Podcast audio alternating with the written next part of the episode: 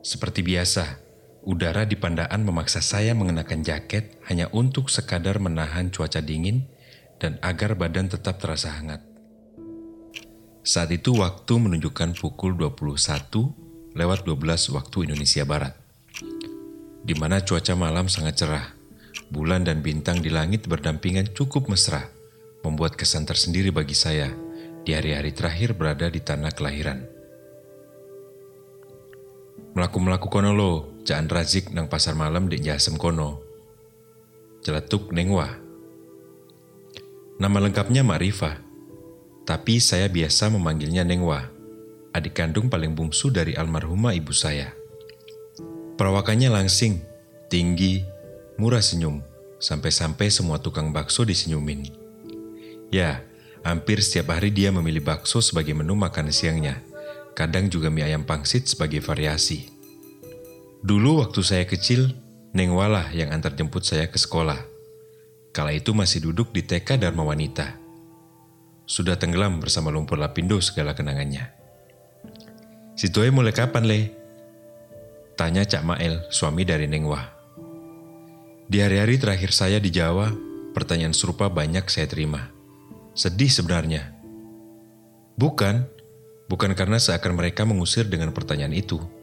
Hanya saja dapat diartikan bahwa waktu kepulangan saya kembali ke tanah rantau sudah semakin dekat. Si tereng pasti, Camail. Saya menjawab sekenanya. Malam semakin larut. Saya mengambil motor. Tampak di kasur kamar bagian depan adik sepupu saya rebahan sembari bermain gawai. Sembari merapikan jaket, saya menegurnya. Yuk, nang pasar malam. Saya mengajaknya. Sosok tinggi besar itu bangkit dari tempat tidur. Merapikan baju, dengan cepat ia bergerak ke teras rumah. Tanpa basa-basi kami berangkat ke pasar malam yang jaraknya tidak sampai lima menit dari rumah. Muhammad Rusdi Hanif, a.k.a. Hami, Hambrol atau Emerha, entahlah, banyak julukannya. Anak pertama dari Nengwa dan Cak Mael. Sekarang sedang mengabdikan diri di salah satu kampus peradaban di Sidoarjo. Anak kuliah katanya, maba. Mahasiswa barusan saja. Jika masa kecil saya diantar jemput oleh Nengwa, sama halnya dengan Hanif.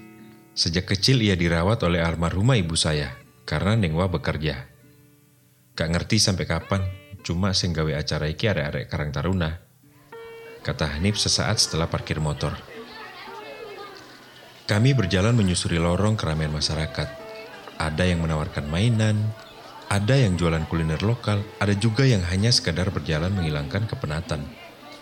Papa, Papa Aji mau pancing-pancing ikan. Razik yang sedari tadi antusias melihat banyaknya pilihan mainan akhirnya memilih memancing ikan mainan sebagai pembuka ceritanya di pasar malam Jasem. Bermodal Rp5.000 Razik akhirnya memancing ikan yang berenang tanpa air atos anjing sosisnya.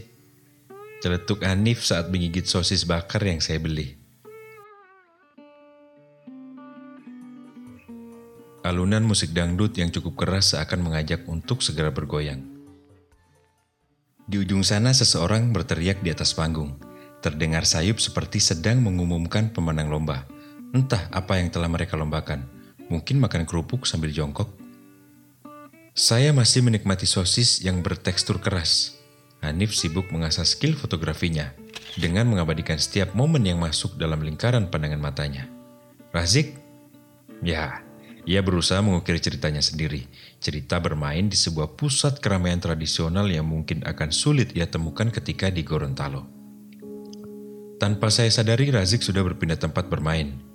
Setelah bosan memancing, ia memilih playground untuk menyalurkan hasrat bermainnya – tidak lama kemudian, ia melanjutkan dengan permainan tembak-menembak. Bosan pun tiba. Rasa lapar membawanya meninggalkan segala keramaian di pasar malam Jasem. Kami bertiga memutuskan melanjutkan penghabisan malam itu ke pusat kota Pandaan. Bapak titip sekok goreng. Ujar Hanif sembari fokus membawa motor. Malam pun semakin dingin. Di tengah jalanan yang sunyi, kami melenggang menuju minimarket untuk membeli cemilan kemudian menikmatinya. bercengkerama bertiga seakan lupa bahwa waktu berpisah akan segera tiba. Kedekatan saya dengan Hanif memang tak ubahnya kakak dan adik. Sikapnya yang cuek dan asal jeplak terkadang membuat orang yang baru mengenalnya akan tersulut emosi. Kak, ojo lali mampir suku korengi papa. Hanif kembali mengingatkan. Waktu menunjukkan pukul 00.35 waktu Indonesia Barat. Artinya hari sudah berganti dan malam semakin larut. Kami kembali menyusuri jalanan kota Pandaan yang semakin lengang menuju lokasi warung nasi goreng Melihat kiri kanan bahu jalan, warung kopi lesian berjejeran. Bahkan ada yang berjualan di pelataran kuburan. Menyeramkan bukan? Mas nasi goreng Jakarta dua bungkus. Saya memesan kepada penjual nasi goreng. Sembari menunggu pesanan selesai, saya memenangi langit gelap yang masih memamerkan kemesraan bulan dan bintang, dan menghayal entah kapan kembali bisa memandangi langit malam kota Pandaan. Razik sibuk sendiri. Saking asiknya piring kecil berisi cabai ia tumpahkan. Saya dan Hanif pura-pura tidak tahu. Ini mas totalnya 18 ribu. Ujar si penjual nasi goreng.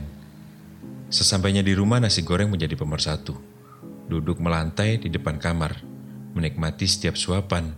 Cak Mail, saya, dan Hanif larut dalam bungkusan nasi goreng. Perut yang sedari tadi keroncongan seketika diam dan sunyi. Baju terasa ketat Mata mulai sayu mungkin saja karena tiupan angin malam dan rasa kenyang. Razik, dia sibuk mengoreskan ceritanya sendiri di atas bantal.